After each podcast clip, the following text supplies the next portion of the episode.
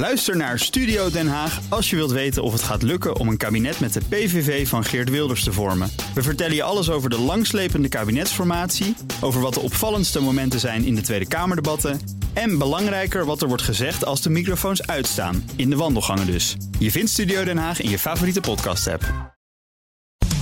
Wie wordt de nieuwe premier van Nederland? Je hoort het hier. BNR Nieuwsradio. BNR breekt politiek. Ivan Verrips. Goedemorgen en welkom bij BNR Breekt Politiek. Tijdens het zomerreces de kans om direct contact te hebben met statenleden uit verschillende provincies. En vandaag werpen we onze blik op Groningen, Grunnen, daar waar niets boven gaat. De provincie van Boertangen, van de Eierbal, van de Vrijlemaborg, natuurlijk van Stad met de Martini-toren, het Groninger Museum, het Prinsenhof en natuurlijk de provincie van ja, gas ook en alle problemen rond de winning daarvan. Hoe moet het verder met Groningen? Daarover praat ik vandaag met twee statenleden uit die provincie. Te beginnen met Gauke Moes, fractievoorzitter van BBB Groningen, onderdeel van de coalitie, samen met PvdA Groninger Belang en de ChristenUnie. Goedemorgen. Mooi. Goed dat u er bent. Uh, ook docent metaal, elektro- en installatietechniek bij de VO Eems Delta. Uh, tot voor kort, ja. Tot voor kort. Bent u mee gestopt? Nou, mijn contract liep af en Oh. ik, heb het, uh, ik, ik ga denk ik eerst niet verder in het onderwijs. Nee, en wat gaat u dan doen? Weet ik nog niet. Nee, maar politiek slokt ook wel een flink deel van uw tijd op, denk ik. Enorm, ja, Ja. zeker de afgelopen tijd. Bent u voor BBB al politiek actief geweest? Nee. Dus, wat, wat bewoog u ertoe om dat te gaan doen? Ehm, eigenlijk de manier waarop Caroline de politiek eh, weer naar de mensen bracht. Dat inspireerde mij om eh, lid te worden. Ja, en dan kom je gelijk als fractievoorzitter eh, de Staten binnen. Nou ja, ik heb ook anderhalf jaar gewerkt aan, het, aan de voorbereiding van de provinciale statenverkiezingen in, eh, in Groningen. Dus eh, dat, dat was een lange aanlooptijd. We hadden ons goed voorbereid, gelukkig. Ja. En dat was ook nodig. Ja, dat begrijp ik. Nou, mooi. Goed dat u er bent. En ook bij ons is eh, Agnes Bakker. Zij is fractievoorzitter van de SP in Groningen, in de oppositie. Eh, in dagelijks leven projectleider innovatie en samenwerking bij een MBO-instelling. En eigenaar van Breien met Agnes. Goedemorgen. Goedemorgen. Mevrouw, mevrouw Bakker, wat is Breien met Agnes? Ja, dat is eigenlijk een eh, bedrijf. Nou, een bedrijf wil ik niet zeggen, een concept. Waarmee ik breien inzet om maatschappelijke thema's op de kaart te zetten. Ja. Dus breien is eigenlijk het middel om met elkaar in gesprek te gaan over een eh, maatschappelijk thema. En eh, dat is onder andere ook voor mij een heel groot project geweest in de gaswinningsproblematiek. Wat Ja. je al even aankaart aan het begin. En eh, ja, zodoende ben ik ook de politiek ingerold. En u breidt ook wel eens in de Statenzaal, begrijp ik. Ja, af en toe, eh, want ik kom nu niet meer toe aan dit soort mooie grote projecten met mijn werk en de Staten. Dus af en toe eh, bereik ik inderdaad even een eh, toertje in de Statenzaal. En dat is ook soms wel eens nodig om de frustratie die ik regelmatig heb een beetje de kop in te drukken. Ik begrijp het. Nou, welkom, beide, welkom beiden. Voordat we gaan beginnen nog even dit. Ik keek vanochtend de hele ochtend al provinciegroningen.nl... voor coalitieakkoord, dat soort zaken. Is al de hele ochtend offline, wist u dat, meneer Moes? Ik, eh, ik heb het gemerkt, ja. Ja, Ik- we hebben even gebeld met eh, de woordvoering. Ze zeggen, we hebben een probleem met de server. We kunnen het nog niet opgelost krijgen. Dus ja, misschien moet u toch een beetje druk, gaan- druk gaan zetten op het provinciehuis. ja, nou, ja, ik zal eens eh, kijken of ik wat vragen kan stellen of Ja, zo. ik zou het doen. Zet ze onder druk. We gaan beginnen met... BNR breekt. Breekijzer. Dat breekijzer heeft te maken met, ik zei het al, met energie. Want waar per 1 oktober de gaskraan in Groningen dicht gaat... gaat er misschien wel een andere kraan open. Want de noordelijke provincie moet de kartrekker worden... als het gaat om de energietransitie. Niet alleen in Nederland, maar zelfs van heel Europa. Hydrogen, Valley, zo noemt eh, de Europese Commissie, Noord-Nederland zelfs. Gasprovincie kan de komende jaren dus ja, de waterstofprovincie worden... maar er zijn nog uitdagingen zat. En ook dan valt er nog een discussie te voeren. Willen we dat eigenlijk wel? En voor wie wekken we die energie dan op? Mag heel Nederland daar nog een keer van meesnoepen? Of zijn de inspanningen toch vooral voor Groningen zelf? En wat er overblijft gaan we dan netjes verdelen. Ons breekijzer vandaag is... Groningen moet ook in de toekomst de energieleverancier leverancier van Nederland blijven. Ik ben heel benieuwd hoe jij erover denkt. Het ermee eens? Moet Groningen dus ook in de toekomst een centrale rol houden in onze energievoorziening? Of juist niet? En hebben we met de gaswinning al genoeg ellende veroorzaakt daar? 020 468 4 0 is ons telefoonnummer. Nu bellen dus 020 468 4 0 Dan spreek ik je zo meteen in de uitzending. Je kunt ook van je laten horen via Instagram. Daar heten we BNR Nieuwsradio. In de stories kan je stemmen. Krijg je over een minuutje of twintig een tussenstand van me. Maar het leukste is als je even belt. 020 468 4 0 Nou, gelijk maar eh, voor de leeuwen. Meneer Moes, ons breekijzer. Groningen moet ook in de toekomst de energieleverancier van Nederland blijven. Wat vindt u? Ja, ik zat, er een, eh, ik zat erover na te denken. En ik twijfel tussen ja, mits en nee, tenzij. Oké, kies eens. Ik denk toch voor nee, tenzij. En dat, dat komt eigenlijk door, ehm door wat we in Groningen al meegemaakt hebben. Eh, we hebben die, die gaswinning gehad, alle ellende zitten we nu mee. Ehm, maar het is breder dan dat. Energie is inmiddels ook hè, energietransitie, eh, windmolens, zonneparken. Nou, was, eh, eh, vandaag kwam mij ook een, eh, een berichtje onder de neus. Ik denk van. eh, en Groningen is dus ook de provincie met het grootste oppervlakte aan, aan, eh, aan zonneparken. Eh, is ook iets waar, hè, waar je echt verschillend over kunt denken. Eh, de windmolens die op land staan, eh, doet Groningen ook, eh, heeft er altijd heel erg aan, aan meegedaan. Nou, inmiddels hebben we een nieuw akkoord, hè, hoofdlijnakkoord, eh, waarin we zeggen van daar zetten we een stop op. Dus dat, dat energie leveren, dat is mooi, dat is nodig. Energie is belangrijk. En wij willen ook ons steentje bijdragen. En we zien onszelf ook als onderdeel van Nederland. Dus ja, Ja. hè, wij willen absoluut een, een centrale rol vervullen. ehm, en, en daarmee ook eh, nou ja, ons land eh, mooi houden. Maar het, het wordt wel heel gemakkelijk altijd eh, iets er heel enthousiast ergens mee begonnen. Ja. En dat was met de gaswinning zo. En dat was met, met, eh, met de rest, de regionale energiestrategie. Waardoor we die windmolens in die zonneparken hebben. Heel enthousiast mee beginnen. En dat is allemaal geweldig, gaan we allemaal doen. En we koploper en dat soort dingen. Ja, en dan een paar jaar later dan komen we er pas achter van... ho, wacht eens even, eh, zijn we hier wel zo blij mee? Dus inmiddels zou ik zeggen nee, mits. Ja. En, en dan mits is eh, onder de goede voorwaarden. Ja, en, en, en wat zijn die voorwaarden dan? Want hoe kan, hoe kan je ja, nu garanderen dat je hier in de toekomst ook nog blij mee bent? Dat is natuurlijk lastig. Nou ja, garanties heb je niet, maar je kunt wel eh, eh, een, een soort beleidskader vaststellen. Dat je zegt van nou, we, we doen alles eh, in het kader van eh, wel onze eigen inwoners. Hè, dus eh, eh, Groningen first. Groningen first en Nederland second, ja. En de rest van de wereld daarna. Oké. Mevrouw Bakker, wat vindt u ons breekijzer? Groningen moet ook in de toekomst de energieleverancier van Nederland blijven. Nou, zeker niet. Eh, wij zijn eigenlijk al jarenlang misbruikt als een wingewest in de provincie. En eh, dat is wel even genoeg geweest. Dus wij eh, hoeven niet meer echt de energieprovincie van Nederland te blijven. En ook niet van Europa. Ja. En ehm, kijk, het, het is zo, we hebben ook al, dat zei Gauke net ook al, met de een- regionale energiestrategie, hebben wij ook al het hoogste bod gedaan. Dus daar zijn wij al voorop gegaan. We hebben daardoor dat we al de meeste zonneparken en ook windparken, behoorlijk wat windparken hebben in onze provincie. Gaat ook ten koste van ons prachtige landschap. Nou, als wij met de waterstofeconomie door willen gaan en eh, daar komen hele grote kabels straks ook aan land, ook met de grote windparken die nog van plan zijn om op zee te maken. Ja, als je daar nog meer het landschap mee gaat verpesten, ja, daar moeten we sowieso eh, mee stoppen. Dus die kabels moeten sowieso in de grond en niet over het land. Ja. En daarnaast denk ik ook, ja, wat er nu weer gebeurt. We hebben gezien dat de grote mult- multinationals, zoals de Shell en ExxonMobil en NAM, hebben ons gewoon onze inwoners echt, nou ja, helemaal kapot gemaakt met hoe het is gegaan rondom de gaswinning. Ja. En dezezelfde partijen zitten ook weer aan het stuur rondom waterstof. En dan denk ik, ja, hebben we nou niet voldoende geleerd? En onze inwoners hebben er ook niet van geprofiteerd. Hè? Want in Groningen hebben we de grootste percentage energiearmoede. Eh, de meeste mensen met lage inkomen, slecht geïsoleerde woningen, die hebben met 60 jaar gaswinning daar helemaal geen profijt van gehad. Dus ja, eh, eerst onze inwoners, Ja. wat ook al zegt. Maar mevrouw Bakker, als ik dan zie eh, ver- verhalen uit, eh, uit Brussel, Hydrogen Valley, een apart fonds waar honderden miljoenen in zitten. Den Haag die zegt, nou, het, Groningen gaat het helemaal worden. Ook ter vervanging van die ellende met, met gas die daar aangericht is. Wordt dat dan over Groningen uitgestort? Of heeft u, daar zelf, heeft u daar zelf dan niks over te zeggen? Waar gaat dat dan mis? Nou ja, wij hebben daar in principe natuurlijk wel wat over te zeggen. Maar ja, eh, op dit moment hebben we ook eh, hiervoor bestuurders gehad... die daar eh, behoorlijk op, de scho- op schoot zaten bij de Shell. En daar ook in meegingen. En een van de meest interessante hoofdstukken... wat ik heb gelezen in het parlementaire enquête-rapport... Groningers boven gas... ging ook over die hele waterstofeconomie. En daar blijkt dat ons provinciaal bestuur in de periode 2017 tot 2022. eh, daar een gedeelte van het bestuur ook actief is geweest met die hele lobby rondom de waterstofeconomie. En ook onze commissaris van de Koning. En ja, dat baat ons wel zorgen dat dat weer met dezelfde partijen gaat. ehm, die ook onze hele provincie kapot hebben gemaakt met gaswinning. ja. En eh, wij zouden heel graag zien dat we daar gewoon veel meer regie en zeggenschap op nemen. En dat niet bij die multinationals Ja. neerleggen. Meneer Moes, bent u inderdaad de puinhopen van, eh, van vorige bestuurders aan het oplossen? Nu? Eh, deels. deels wel. Ja, ik denk dat, uh, dat mevrouw Bakker absoluut wel een, wel een punt heeft. En die analyse die deel ik uh, grotendeels. Um, de vraag is, hoe ga je nu verder?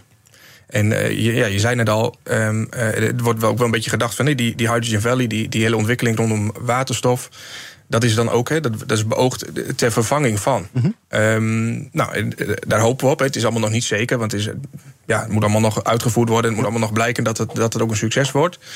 Maar dat is dus ook een kans. En de vraag is eigenlijk van hoe kijk je naar de toekomst? En ik denk dat het voor Groningen uh, geen oplossing is om te zeggen van we houden nu gewoon overal mee op. En we stoppen ermee in een soort van lokale degrowth uh, mm -hmm. worden, zeg maar. En ja, dan, wat heb je dan? Ja. He, je, je, wil ook als provincie wil je wel een, een, een goede economie hebben. Ja. En je wil wel uh, vooruitboeren, zeg maar.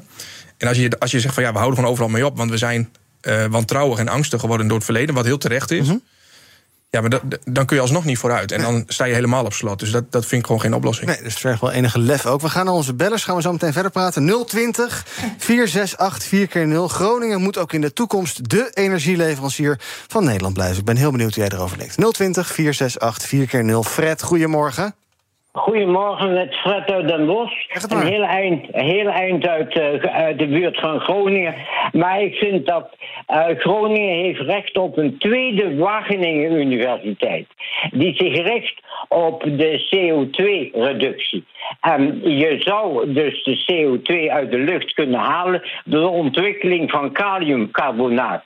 Maar dat is een ontwikkeling. Er is een start-up ergens in Drenthe mee bezig. En die probeert via allerlei fondsen uh, haar project gefinancierd te krijgen. Maar kaliumcarbonaat is het middel om CO2 uit de lucht te halen. Nou, ik schrijf het op. We gaan zo nog even over onderwijs. Dank voor het bellen. Fred. Jan, goedemorgen. Goedemorgen, Ivan. Nou, ik ben het wel eens met de stelling. Ik denk dat het voor Groningen ook echt een uitgelezen kans is om in de hydrogen-trein te stappen en om daarmee aan de slag te gaan. En niet als slachtoffers te blijven zitten. Het is natuurlijk verschrikkelijk dat de Groningers nog steeds niet rechtgezet is wat daar allemaal is uh, scheef gegaan. Maar het lijkt me wel heel belangrijk dat het nu gewoon goed gaat gebeuren. En dat er gewoon ingezet gaat worden op de toekomst. En dat ze gewoon ook een eerlijke prijs uh, krijgen voor hetgeen ze daar produceren of aan land brengen of wat je daarmee wil. Ja. Het kan niet zo zijn dat wij uh, ja, alleen maar energie dadelijk moeten gaan inkopen in China, waar ze nu 211 kolencentrales aan het bouwen zijn, of in Indonesië, waar ze de 60 aan het bouwen zijn op dit ja. moment, omdat we het zelf niet kunnen produceren en niet rondkrijgen. Dat ja. lijkt me niet zo'n goed verhaal. Nee, duidelijk. En mevrouw Bakker noemde net ook al die parlementaire enquête. Nou, heb je vast ook een beetje gevolgd. Heb je nou het idee dat er ja, inmiddels wel voldoende begrip is en ook een voldoende reactie is op wat daar die afgelopen jaar allemaal misgegaan is? is, is worden, die, worden Groningers in hun leed erkend? Nou, als je politici aan het woord uh, laat, dan zullen ze in de media altijd roepen dat ze het uh, erkennen en dat ze het er helemaal uh, mee eens zijn met de enquête. Maar ja, zeggen en, en, en daden, de daad bij het woord voegen, dat is nog iets anders. Ja, hebben we het zo meteen ook nog over. Dank voor het bellen, Jan. Tot slot van dit blokje even. Jeroen, goedemorgen. Hoi, goedemorgen, Ivan. Hey, ja, ik ben het oneens nog eens. Uh, ik heb uh, voor de media uh, wat kritiek, oh. dus voor jullie. Ja? Uh, dat is dat kolen en olie zijn veel vervuilender dan gas. Mm -hmm, zeker. Oké, okay, dus dat iedereen dat weet. Maar mijn vraag is, hoeveel meer, als er zoveel gas ligt in Slochteren... hoeveel meer moet er dan zijn op de Noordzee? Het kan toch niet zo zijn, dat vraag ik aan de expert... Ja. dat, dat het alleen in Slochteren ligt. Dat, ja. Nou, ja. nou, duidelijk. Ja, ik, ik heb momenteel geen uh, vertegenwoordigers die de provincie Noordzee vertegenwoordigen. Dus uh, die vraag gaan we een andere keer beantwoorden. Wel dank voor het bellen, Jeroen. BNR breekt politiek. Ja, met vandaag in mijn panel Gauke Moes van BBB Groningen. Uh, Agnes Bakker van de SP in Groningen. We praten over ons breekijzer. Groningen moet ook in de toekomst de energieleverancier van Nederland blijven als je wil reageren. 020 468 4 keer 0 Nu bellen, dan praat je ergens in de komende 8 minuten nog mee. 020 468 4 keer 0 Nou, een paar interessante dingen gehoord. Uh, eerst maar eens even kijken naar, uh, naar onderwijs. Um, we horen net Beller zeggen... Groningen zou een dependance van de Wageningen Universiteit moeten krijgen. Groningen heeft natuurlijk al de Rijksuniversiteit Universiteit Groningen, maar ook allerlei uh, andere mooie onderwijsinstellingen. Um, meneer Moes, uh, onderwijs om uh, ook ervoor te zorgen dat die energietransitie, dat Groningen daarin voorop kan lopen. Moet daarin geïnvesteerd worden? Ja, ik heb goed nieuws. Doen we al. Dus kan afgevinkt worden, is klaar. Ja, volgens mij wel. De Hans Hogeschool en de RUG eh, zijn samen in Groningen enorm hard bezig om uh, ja, te werken aan die, aan, die, aan die waterstofeconomie. En te ontdekken hoe je die uh, electrolyzers efficiënter kunt maken en hoe je dat op grote schaal kunt uitvoeren. Mm -hmm. Ontzettend interessant en die zijn daar enorm hard aan het werk. En hele knappe koppen zijn ermee bezig. En daarnaast niet alleen HBO's en universiteiten, maar ook de, de MBO's die, die sluiten aan. Want ja, het gaat er natuurlijk ook om hoe je zo'n transitie, hoe je dat uitvoert. Dus er zijn enorm veel mensen nodig met die echt, nou ja, vakmensen zijn. En, uh, en dat, die dat werk daadwerkelijk kunnen, ja. kunnen gaan uitvoeren. Daar ben je best tevreden over. Okay, ja. Daar zet ik een vinkje. Dan eventjes, uh, mevrouw Bakker, u noemde net al de parlementaire enquête. 25 april kwam daar de reactie van het kabinet op. Met ook zo'n ja, 50-puntenplan. Ik heb het even voor mezelf geprint. Hartstikke mooie virtuele weer, visuele weergave. Met allemaal bolletjes en stipjes en plannen. En uh, we zijn nu een paar maanden verder. Hoe staat het daarmee? ja, nou ja, nog niet heel goed op heel veel vlakken. Uh, kijk, dat is natuurlijk ook wel logisch dat het nog niet in één keer allemaal opgelost is. En het uh, val van het kabinet heeft daar natuurlijk ook weer invloed op. Vandaag hebben uh, mijn partijgenoot Sandra Bekkerman en Henk Rijboer van de PvdA daar ook nog aandacht voor gevraagd. Want het IMG, Instituut Mijnbouwschade Groningen die uh, heeft nu een aantal regelingen. Ja, zitten ze een beetje op de wip van uh, hoe gaat dat nu verder nou het kabinet gevallen is. En wordt het wel of niet doorgezet? En daardoor houden mensen zeggen, nou we wachten wel eventjes. Dus heel veel dingen staan nu ook een beetje in de wachtstand. Dat moet natuurlijk niet. Nee. Moet eigenlijk gewoon allemaal doorgang krijgen. Ja, en wij krijgen toch eigenlijk dagelijks nog wel heel veel mails binnen van mensen die. Uh, ja, vastlopen in de hele versterking en of schadeafhandeling. En ja, het is nog lang niet opgelost. En die 50 maatregelen die zijn mooi, maar die gaan het ook niet allemaal oplossen. Dus ja, we zijn er nog lang niet. Nee. Uh, dan kijkt u wellicht ook uit naar 1 oktober. Uh, de kop van het persbericht van het ministerie van Economische Zaken. Per 1 oktober dit jaar wordt er geen gas meer gewonnen in Groningen. Maar aan de andere kant, uh, er is wel een soort...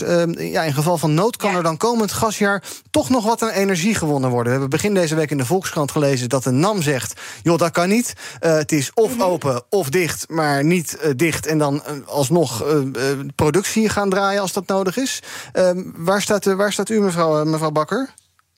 Nou, niet alleen ik. Wij staan als hele staten op hetzelfde standpunt. En uh, dat is dat wij eigenlijk vinden dat die gaskraan gewoon volledig dichtgedraaid moet worden per 1 oktober. Dus ook niet meer um, achter de hand voor nood. Kijk, het idee is nu om de waakvlam helemaal uit te draaien. En er wordt inderdaad nu getest of dat mogelijk is om dan binnen twee weken de boel weer uh, aan te zetten, mocht mm -hmm. het nodig zijn.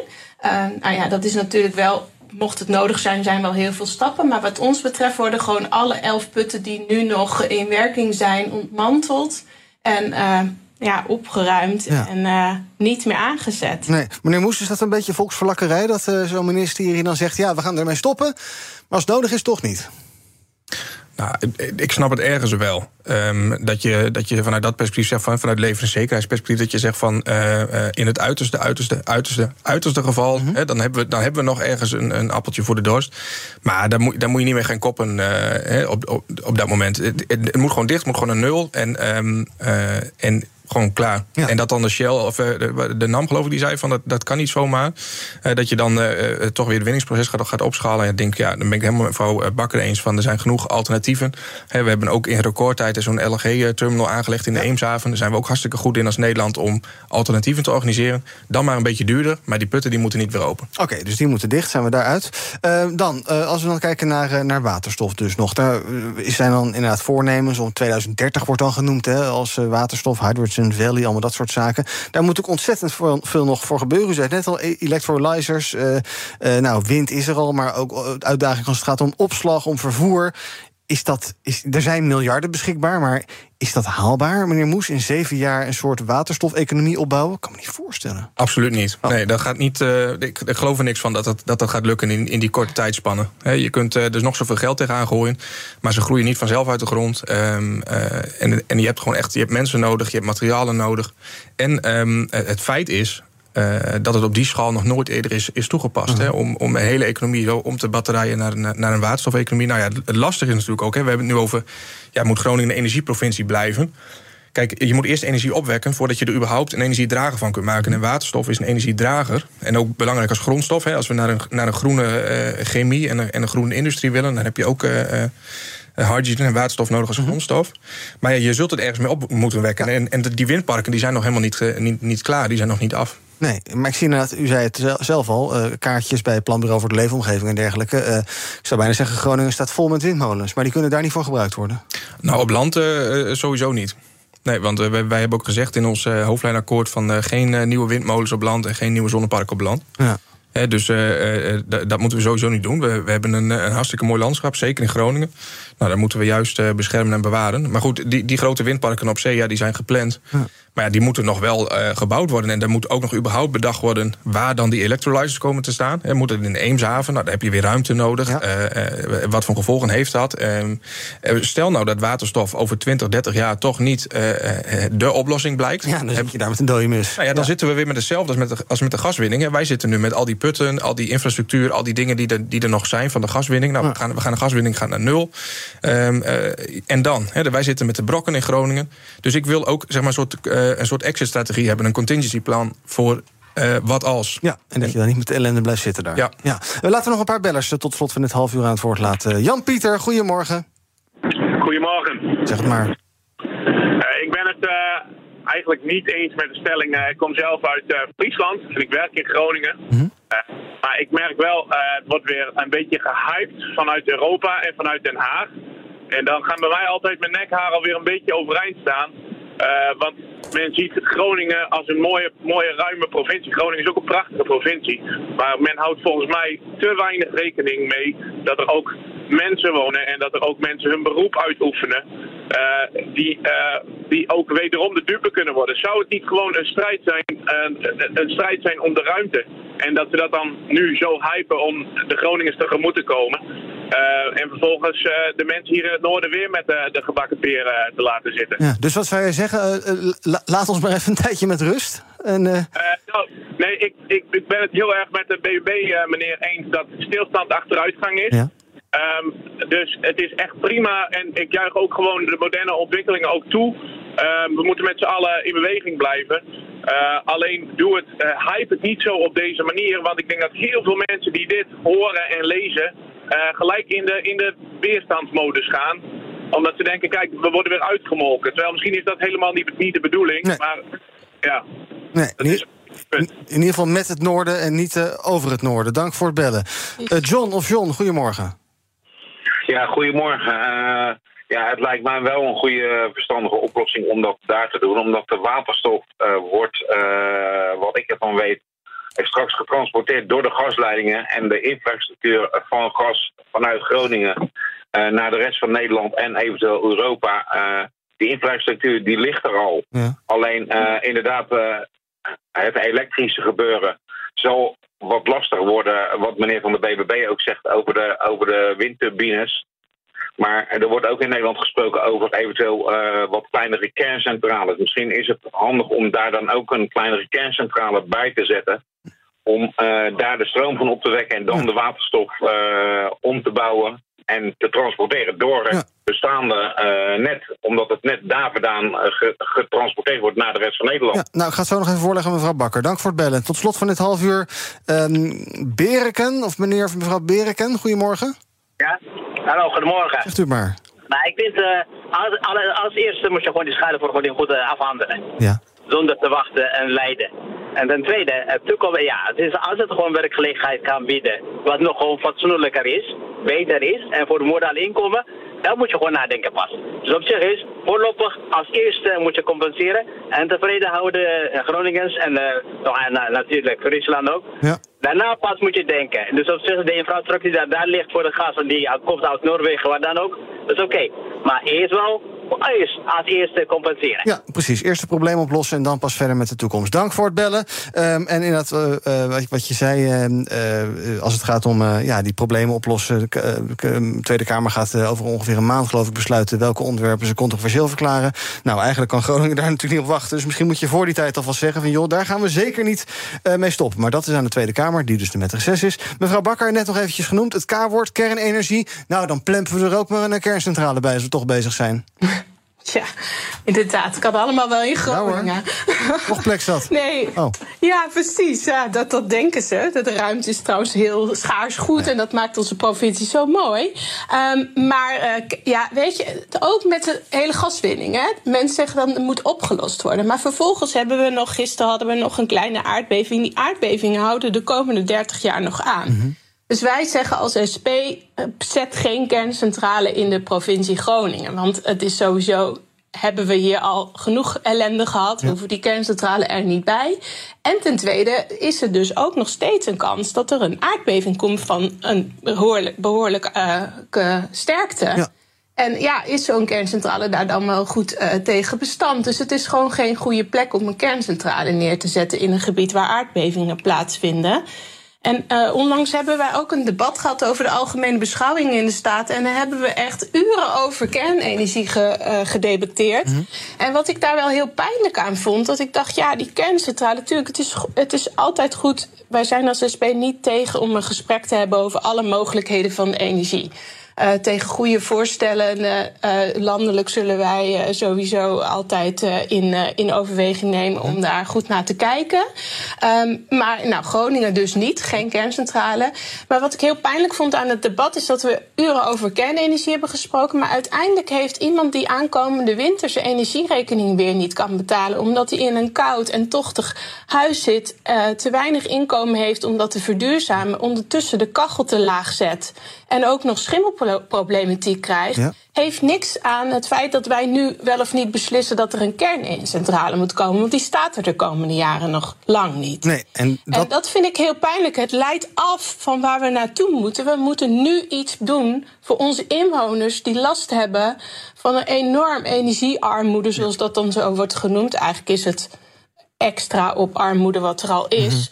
En daar moeten we naar kijken. Ja, en dat al is die- onze taak als provinciale staten. en al die vergezichten die, eh, die leiden alleen maar Ja. Oké, onze eh, stelling dus vandaag. Groningen moet ook in de toekomst de energieleverancier van Nederland blijven. Op onze Instagram-pagina is 78% het daarmee eens. Daar kan je nog de hele dag reageren. En zometeen gaan wij eh, verder praten op de radio met meneer Moes en mevrouw Bakker over het nieuws van de dag. Over ja, Donald Trump, die pleit onschuldig. Hij zegt dat hij nooit een poging zou hebben gedaan om de verkiezingsuitslag terug te draaien. Is toch wel misschien opvallend. En ja, dan gaan we natuurlijk ook nog eventjes hebben over de Fremantle Highway. Want dat schip ligt, ja, je weet het hè, in Groningen. Heel benieuwd hoe mijn panelleden daarover denken. Zometeen, tweede deel van BNR Breekt Politiek. Tot zo. Ook Hugo Reitsma vind je in de BNR-app. Superhandig die BNR-app. Je kunt alle programma's live luisteren, breaking nieuwsmeldingen. Je blijft op de hoogte van het laatste zakelijke nieuws. En je vindt er alle BNR-podcasts, waaronder natuurlijk de belangrijkste, Boeken zijn in de wijk. Download nu de gratis BNR-app en blijf scherp. BNR Nieuwsradio. BNR breekt politiek. Ivan Verrips. Welkom terug. Vandaag praat ik met twee Groningse statenleden. Te weten Agnes Bakker, fractievoorzitter van de SP in Groningen. Zij zit er in de oppositie. En Gauke Moes, fractievoorzitter van BBB in Groningen in de coalitie. En we gaan praten over het nieuws van de dag. Te beginnen met het nieuws uit het Algemeen Dagblad. Ruim 32.000 statushouders die hebben aan het eind van dit jaar... waarschijnlijk nog steeds geen woning, meldt de krant. Krapte op de woningmarkt zorgt ervoor dat veel regio's achterlopen bij de gestelde doelen om asielzoekers met een verblijfsvergunning een woning te bieden. En volgens de VNG, de Vereniging Nederlandse Gemeenten, is het een ongekend grote opgave. Een deel van uh, vrijkomende sociale huurwoningen gaat al rechtstreeks naar statushouders, maar het is dus ja, allemaal niet genoeg. Um, meneer Moes, in Groningen natuurlijk uh, ter Apel. Um, provincie heeft wel een taak als het gaat om uh, nou ja, uh, inregelen van ruimtelijke ontwikkeling. niet zozeer, denk ik, bij het huisvesten van statushouders, maar toch. Um, hoe, hoe, hoog staat huisvesting van statushouders op, bij jullie op het prioriteitenlijstje? Of is dat helemaal geen onderwerp in de, in de provincie? Ja, wat je zegt, de provincie gaat er eigenlijk niet over. Het zijn vooral de, de gemeenten die, daar, die erover gaan. We, we hebben wel gezegd van we willen als, als provincie. Uh, willen we ondersteunen als er weer, als er weer problemen komen hè, bij Terapel. Die, en die problemen ja, die, die verwachten we wel. Uh, want het gaat ook gewoon door. En het is niet uh, zomaar een oplossing. Dus we hebben wel gezegd als provincie van we gaan nou ja, middelen beschikbaar maken om gemeenten te ondersteunen. Maar dat is ook ongeveer wel de, de scope, zeg maar. We, ja. we hebben als provincie niet heel veel meer te zeggen over, over dit onderwerp. Nee. Wat is uw beeld van hoe het gaat in Ter Apel nu? Want voor de zomer hoorden we allemaal verhalen van... ja, daar gaan weer mensen buiten slapen. Nou, we zitten inmiddels midden in de zomer. Dat is geloof ik nog niet gebeurd. Dus Het lijkt uh, nu een klein beetje, beetje door te, te kabbelen, zeg maar. Ja. Um, en ik heb begrepen dat er een, een paar noodoplossingen die toen, uh, die toen ingezet werden, toen het echt heel erg speelde, dat dat nu uh, gaande is, omdat dat dat nu een beetje zijn, ja, zijn effect begint te krijgen. Dus, dus hopelijk blijft het een beetje, beetje rustig. Maar uh, ja, volgens mij kan het wel elk moment uh, zo weer escaleren. Zeg. Ja. ja. Mevrouw Bakker, uh, meneer Moes zei het al, ja, het is eigenlijk een taak van gemeente. Hè? Ehm, kunnen, u spreekt vast ook veel politici op gemeentelijk niveau. Kunnen die, kunnen die dit aan, deze taak? Ja, het is natuurlijk best wel een grote opgave voor gemeenten. En uh, dat is natuurlijk ook zo, uh, was ook al jaren een probleem. Het is uh, de laatste tijd weer behoorlijk onder de aandacht geweest. Maar kijk, dat, die, dat er een wooncrisis is, dat is natuurlijk geen natuurverschijnsel. Uh, dat is een gevolg van politieke keuzes die de afgelopen jaren zijn gemaakt. En dat geldt natuurlijk ook niet alleen uh, voor het, de, het plaatsen van uh, statushouders in woningen, dat is gewoon een veel breder verhaal. Wat ik wel lastig vind aan uh, dit artikel, uh, wat, wat we, of dit nieuwsbericht eigenlijk, dat er heel erg alleen op asielzoekers of asielzoekers op statushouders wordt ingespeeld. -hmm. Terwijl we hebben, als je kijkt naar de hele uh, problematiek, is, arbeids, is arbeidsmigratie bijvoorbeeld ook heel erg belangrijk om mee te nemen. Uh, we hebben 800.000 arbeidsmigranten in Nederland. Die moeten ook allemaal ergens wonen. Daarnaast hebben we ook heel veel internationale studenten die ook uh, huisvesting nodig hebben. Maar dat wordt heel vaak niet meegenomen in dit hele brede, in dit verhaal. Het wordt altijd heel gespecialiseerd juist op alleen de vluchtelingen en de asielzoeker. En ja, ik ben vorig vorig jaar zelf in Ter Apel geweest. Als je daar uh, uh, ziet hoe mensen daar moeten uh, verblijven. Ja, en als zij echt gewoon echt gevlucht zijn en een veilig onderkomen nodig hebben, dan moeten wij dat gewoon bieden als Nederland. Ja. En ja, dat is een opgave voor gemeenten. En daar heeft Den Haag echt een groot aandeel in. Uh, gehad en ook nog steeds. Want zij zouden ook uh, de wet kunnen aanpassen, waar bijvoorbeeld er is best wel veel leegstand van vastgoed. Mm -hmm. uh, als gemeente daar ja, middelen voor in handen hebben om bijvoorbeeld die kantoorpanden, winkels of bedrijfspanden om te bouwen tot woningen. Of ook vastgoedeigenaren, hè, die bijvoorbeeld soms gewoon hun pand leeg hebben staan en daar niks nuttigs mee doen, te onteigenen en uh, dat soort panden ook in te zetten, dan ja. hebben we al veel meer mogelijkheden. Ja, uh, even goed voor uh, de definitie dat we dat een beetje helder hebben. Statushouders, dat zijn natuurlijk mensen die stromen dus door. Ter Apel, dat gaat natuurlijk om asielzoekers, gewoon eventjes voor het begrip. Ja. meneer, meneer Moes, wat mevrouw Bakker voorstelt, dat je zegt van nou, um, panden die al heel lang leeg staan, wetgeving om te verplichten dat, nou, dat je daar naar statushouders in kan uh, huizen. Goed idee? Uh, dat weet ik nog zo niet hoor. Ik, ik hoorde ook het woord onteigenen. Nou, dan denk ik toch van. Uh, we hebben gewoon eigen, nou ja, dat sowieso ja. natuurlijk. Uh, ja. Maar ja, mensen die, die een, pand hebben. Uh, je kunt denk ik niet zomaar 1, 2, 3 verplichten. Hè, wat je daar precies mee moet doen. En, en dat, dat, dat riekt mij toch te veel naar dwang. En we, we hebben natuurlijk ook gezien hè, met, die, met die weerstand die. Nou ja, ook een beetje die dwangwet. Ja, spreidingswet, de spreidingswet opriep. Um, dat we een taak hebben, dat we een verantwoordelijkheid hebben om uh, mensen die hier in Nederland zijn, mogen zijn en recht hebben op, op huisvesting, ja, dat we daar een taak hebben om, om daar wat mee te doen, dat is logisch. Ja. Tegelijkertijd denk ik ook wel van.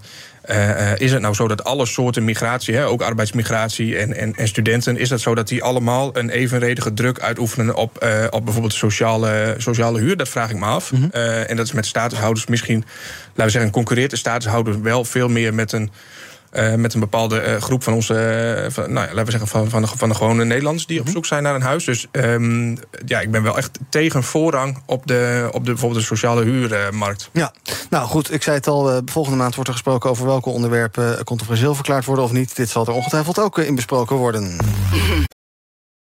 Ook Hugo Reitsma vind je in de BNR-app. Superhandig die BNR-app. Je kunt alle programma's live luisteren, breaking nieuwsmeldingen. Je blijft op de hoogte van het laatste zakelijke nieuws. En je vindt er alle BNR-podcasts, waaronder natuurlijk de belangrijkste, Boeken zijn in de wijk.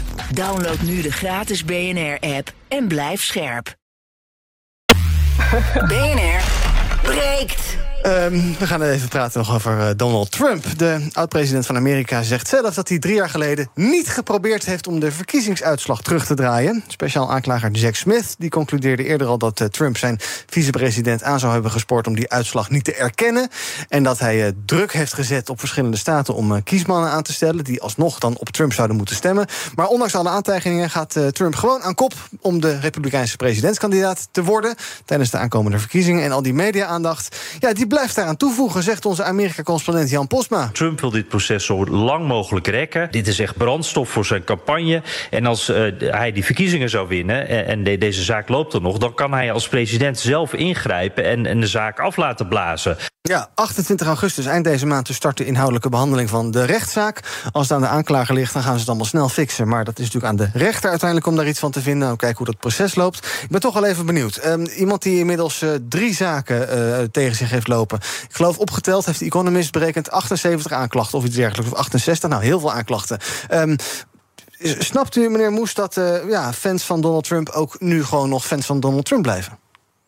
Uh, ja, want uh, ja, je hebt natuurlijk twee perspectieven. De ene zegt uh, waar rook is, is vuur. En de ander zegt uh, van ja, er is zo'n groepje bezig met rooksignalen, maar dat, dat is, er staat niks in de brand. Mm -hmm. Um, wat ik, hoe ik het vooral zie, is dat ik denk van je kunt heel goed zien dat er nu die polarisatie ook gewoon echt nou ja, nog op volle gang doorgaat, zeg maar. Ja. En dat, dat nou ja, voor zover ik Amerika volg. Maar ik denk van ik maak me wel zorgen, want we zien natuurlijk in onze eigen samenleving hier ook. Voor de rest moet ik heel eerlijk zijn, ik ben een klein beetje Amerika moe inmiddels. Ja, want bent wel een beetje zat met Trump en Biden. En hun... Het is altijd, ja, en wat voor een keuze heb je dan? Het is dan Trump of Biden. Ja, ja nou ja, doe maar.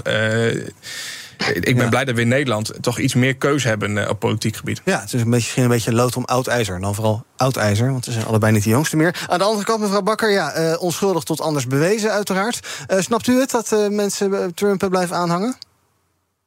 Nou ja, ik heb die mensen natuurlijk niet gesproken. Nee. Dus ik weet niet waarom zij precies Trump blijven aanhangen. En wat ik heel lastig vind aan, uh, aan dit hele gedoe in Amerika.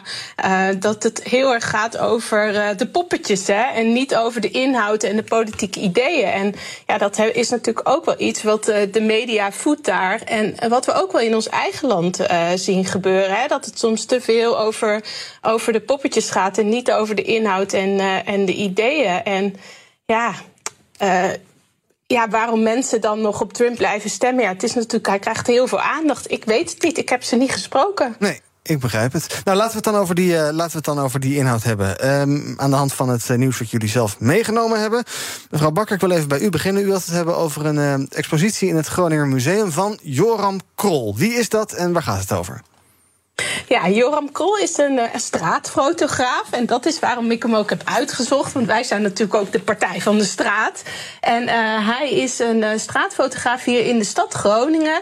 En wat hij heel mooi doet, is dat hij foto's maakt van mensen. En het verhaal uh, van die mensen zie je in de foto terug. Mm. En ja, het is dus niet gewoon een fotograaf, maar hij legt mensen heel mooi weer. En waarom ik dit heb uitgekozen is omdat ik vind uh, dat we in het, in het politieke debat het heel vaak over uh, nummers hebben, over aantallen hebben, over allerlei beleid hebben, maar heel vaak mensen en de verhalen achter mensen en wat beleid voor invloed heeft op mensen. Dat zie je nu ook in de bezuinigingen rondom de, om de zorg, bijvoorbeeld in de ouderenzorg. Nou, de verhalen daarachter, die vind ik zelf altijd heel belangrijk. En die neem ik ook zelf mee in de Staten. En dat wat, wat dat wat mag, wat mij betreft, wel wat meer in het politieke debat terugkomen. Um, ja, dat we meer ja, gevoel en emotie meenemen en ook zien: hé, hey, we hebben dit beleid nu wel bedacht. Uh, wat uh, doet dat met mensen? Ja. Zo hebben wij natuurlijk bijvoorbeeld ook een fotograaf ingezet als SP om uh, het hele toeslagenschandaal in een boek weer te leggen, waarbij we als je het het boek rechtsom slaat, dan zie je alle nummers, uh -huh. alle dossiernummers. En als je linksom slaat, dan zie je de mensen achter die dossiers. En we zijn eigenlijk dat gevoel uh, van de mensen ja, de afgelopen jaren met het neoliberale beleid wat uh, gehandhaafd is, echt wel kwijtgeraakt. Het gaat ja. meer over nummers dan over mensen. Ja. Dus vandaar dat ik dit had uitgezocht. En Joram ja, is gewoon echt een hele mooie inspiratiebron. En ik denk ook dat kunst kan ook het politieke verhaal versterken. En misschien moeten we ook wel vaker kunstenaars betrekken bij het opstellen van beleid, omdat die net even iets anders tegen de zaken aankijken. Ja, maar politiek moet toch ook wel een, een rationeel ding blijven, toch? Dat het niet eh, overladen is met allemaal emo-verhalen en uh, ja, huilie-huilie verhalen. En het moet toch een beetje, een beetje rationeel ik zijn? Ik weet niet, wat is dat toch? Dat, dat, ja, heel veel mensen zijn altijd een beetje bang voor emotie in de politiek. Maar ik snap dat niet, want politiek is toch emotie? Het gaat over mensen. Ja, dus u zegt meer menselijke verhalen wat u betreft. Ja, en ja. meer die, die, de menselijke kant en niet... Uh, niet alles maar uh, zo uh, vanuit cijfers en rationeel bekijken. Tuurlijk is dat ook belangrijk, ja. maar in eerste instantie staat, gaat het over mensen. Alles wat wij doen heeft invloed op mensen achter de voordeur. Ja. En daar moet je gewoon elke keer bewust van zijn. En daarom vind ik het ook zo fijn dat ik bij de SP zit. En morgen ga ik ook weer de straat op, huis aan huis, in gesprek met mensen. Het is voor onze campagne uh, waarbij wij uh, opkomen voor Nederland en horen waar mensen mee dealen -hmm. elke dag. En dat gaat heel erg over de hoge kosten die er op dit moment zijn. Ja. En ja, samen met mensen moeten we daar oplossingen voor bedenken. Ja. Nou, ik zei het dus al, te zien in het Groninger Museum. Joram Krol. Uh, meneer Moes, mevrouw Bakker zegt wij zijn de Partij van de Straat. Is dat inderdaad zo? Of bent u de, bent u de pluspartij en is uh, SP de Partij van de Straat? Nou ja, even, even snakken hoor. Maar wij hebben natuurlijk momenteel wel de meeste plusje in de Staten in Groningen. Maar goed, dat is het terzijde. Ja. Uh, ik, moet, ik moet eerlijk zeggen uh, dat de SP... heeft altijd wel mijn bewondering. omdat ze zoveel op de straat zijn. En omdat ze zoveel mensen horen. En altijd aandacht voor het menselijke verhaal. Dus dat bewonder ik ook, ook heel erg. Uh, tegelijkertijd is het inderdaad ook zo. Um, je kunt geen generiek beleid maken op individuen. En je moet oppassen dat je blind staat zeg maar, op een. Want je, je zwemt heel snel in een, in een fuik. Als je namelijk naar één verhaal luistert. Ja. ja, er zijn gewoon zoveel verhalen. Als je één verhaal wel hoort, dan hoor je de tien niet. Um, het punt wat ik er wel uithaal en wat, ik, en wat nou, wij als BBB ook super belangrijk vinden, is dat je uh, met alles wat je doet in de politiek en al het beleid wat je bedenkt en alle plannen die je, die je maakt, hou altijd in gedachten. Uh, zet altijd voorop van wat doet dat met de mens? Ja. Wat voor gevolgen heeft dat in de praktijk? Wat, wat, dus die realiteitszin van mm -hmm. kijk altijd naar wat het daadwerkelijk teweeg brengt. In plaats van via modellen of via uh, berekeningen of, of, plannetjes. Zeg maar. Betrek het altijd weer. Ja. Ja, oké, okay, duidelijk. Nee, uh, ja, oh, ja, nee, nee, nou, nou, het is natuurlijk... Mevrouw Bakker, ik wil okay. eigenlijk eventjes naar, naar het eigen nieuws van meneer Moes. Want die wil graag nou ja, praten over wil... het afschaffen van uh, cum laude op universiteiten. Dat is de afgelopen week uitgebreid in het nieuws geweest. Uh, meneer Moes, ja, nou, ik zei net, u werkte ook tot voor kort in het onderwijs. bent u hier een voorstander van, dat we dat excellente, die excellente predicaten, dat we daarmee gaan stoppen? Nou, eigenlijk niet. Oh, nee. waarom niet? Um, de ene kant denk ik van ja, je moet, je moet oppassen dat je niet, uh, niet alleen maar hele specifieke uh, uh, dingen beloont. Um, maar het algemeen idee dat we, nou, we meer naar een zescultuur toe gaan. Ik heb natuurlijk zelf een hele tijd in onderwijs gewerkt en dat heeft absoluut nog mijn hart. lesgeven is het mooiste wat er is. Maar um, als ik dan zie wat het met een leerling doet als die, als die presteert, als die excelleert, mm -hmm. dat doet zoveel met de mens. En als je dan, nou ja, het woord zescultuur, dat heeft al een beetje zo'n zo, zo connotatie. Hè, dat je zegt, nou ja, het is altijd wel goed genoeg en zo. En ik vind het ook een hele vreemde paradox. Als Nederland uh, willen we heel graag voorop lopen. We willen ja. de beste zijn, de braafste jongetje van de klas. Hè, als het gaat om klimaat, als het gaat om stikstof, milieu, natuur, uh, energietransitie. Alles moeten we er beste in zijn. Hè, de chips uh, maken en zo. Ja. Hoogtechnologisch doen we fantastisch. We kunnen heel veel. En dan kijken we naar het onderwijs en dan zeggen we van... Mwah, voldoende is voldoende. Ja. En dat, dat is een hele rare paradox. Dus ik, ik uh, ja, ja, daar wil ik het dus een keer over hebben. Wat u betreft mag dat dus blijven. Uh, minister Wiersma die zegt, ja, het systeem werkt eigenlijk niet. Het werkt maar voor een kleine groep scholen. Ook andere Kamerleden, onder andere van D66. Uh, Paul van Menen spreekt van een oliebollenwedstrijd. En Laks zei ook al, we moeten er vanaf. Want ja, het suggereert dat sommige scholen beter zijn dan andere scholen. Dat gaat bijvoorbeeld ook om dat, ik zei het al, dat predicaat excellente school. Ja, je, je, creëert ook wel een soort, een soort tweedeling mee, toch? Van of je bent excellent of je bent gewoon normaaltjes. Ja, ja maar wat, wat je dan moet doen is, als een systeem niet lekker werkt... maar het idee achter het systeem is wel belangrijk... en dat, en dat draagt wel iets bij, dan moet je naar het systeem kijken... en zeggen, wat werkt er niet, waarom werkt het niet... en dan moet je het systeem aanpakken en verbeteren.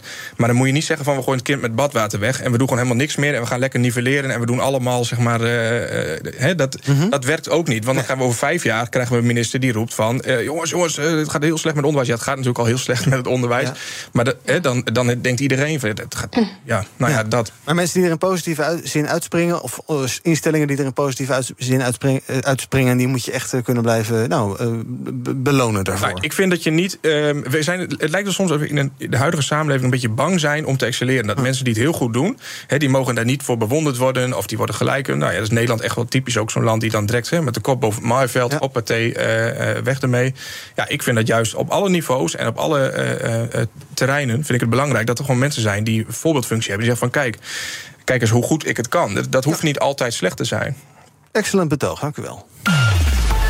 We gaan kijken wat er trending is op de socials. Corendon is trending. Klanten van de reismaatschappij die vanwege de bosbranden werden teruggevlogen uit Rodos... die kunnen vanaf vandaag hun Schiphol gaan ophalen.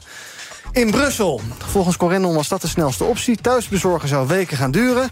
Dus ja, je moet een eh, reisje gaan maken naar Brussel. eh, op eigen kosten en in je eigen tijd. Eh, koffers moeten trouwens nog wel naar de douane. Dus neem je paspoort mee. Op sociale media gaat het onder andere over een ijsbeer in Amersfoort. Daar hoor je al een maand met enige regelmaat een plassende beer. Ja, die staat daar dus in een gracht te pissen. Het gaat om een tentoonstelling van Museum Flehiet. En directeur Paul Balts vertelt wat nou het idee is achter die ijsbeer. De ijsbeer die plast heel hufterig hier in de gracht. En dat staat eigenlijk voor de hufterigheid van de mens ten opzichte van de natuur. Eh, het klimaat eh, dat nu op, eh, op zo'n enorme, met zo'n enorme snelheid aan het veranderen is. Ja, het kunstwerk zorgt ook voor overlast, want het, die beer die pist s'nachts ook gewoon door... waardoor omwonenden uit hun slaap werden gehouden. En dus mag meneer de beer vanaf, of mevrouw de beer... vanaf nu niet meer plassen tussen middernacht en 7 uur ochtends. Dat is wel lang ophouden. En tot slot nog even kijken, hashtag zakkenrollers. Het wemelt er dit jaar van. In ons eigen land schrijft de Telegraaf. Criminele organisaties van over de hele wereld laten speciaal... hele groepen met dieven invliegen... om bij grote evenementen bezoekers te plukken. Soms reizen ze zelfs de rockbands achterna... om tijdens concerten toe te slaan. Tot slot nog even praten over de Fremantle Highway. Het vrachtschip ligt nu in de Julianahaven, in de Eemshaven in Groningen dus. Nadat het ding een week lang brandend voor de kust heeft gelegen bij Ameland. Onze verslaggever Jigel Krant die sprak gisteren met Carlo Eikels van Rijkswaterstaat. Met trots kunnen we vaststellen dat eh, hij is aangelijnd. Ehm, samenwerkende bergers, kustwacht, natuurlijk ook eh, Groningen Seaports, eh, de veiligheidsregio. Meerdere partijen zijn erbij betrokken geweest, natuurlijk ook de bergers. En uiteindelijk na een, een, vrij korte reis van ruim eh, 60 kilometer eh, is hij hier eh, rond de middag is hij aangekomen in de Julianahaven. Ja, nou geweldig nieuws dus. Eh, meneer Moes, blij dat u dit eh, brandende wrak eh, in de Eemshaven hebt mogen ontvangen? Nou, gelukkig brandt hij niet meer, maar Nee. het maakt me vooral trots. Ja? Ja. Want? Eh, als je kijkt wat de Eemshaven allemaal kan, wat we daar allemaal doen... dan denk ik van dat is echt een stukje trots van Groningen. eh, ja. Ja, eh, geldt dat ook voor u, mevrouw Bakker? Er waren ook wel wat zorgen, hè? Want ja, dat ding moet niet alsnog rotzooi gaan lekken of iets dergelijks. Nee, precies. En ik- ja, ik heb het de afgelopen eh, periode ook wel echt eh, gevolgd. Want ja, je, je denkt toch wel weer, jeetje, wat krijgt ons eh, prachtige cultureel of werelderfgoed Waddenzee weer te verduren? Ehm, en ja, kijk, ik ben wel blij dat hij aan de, aan de kant is gebracht. Dat hij die daar niet meer, dat hij niet kan zinken daar.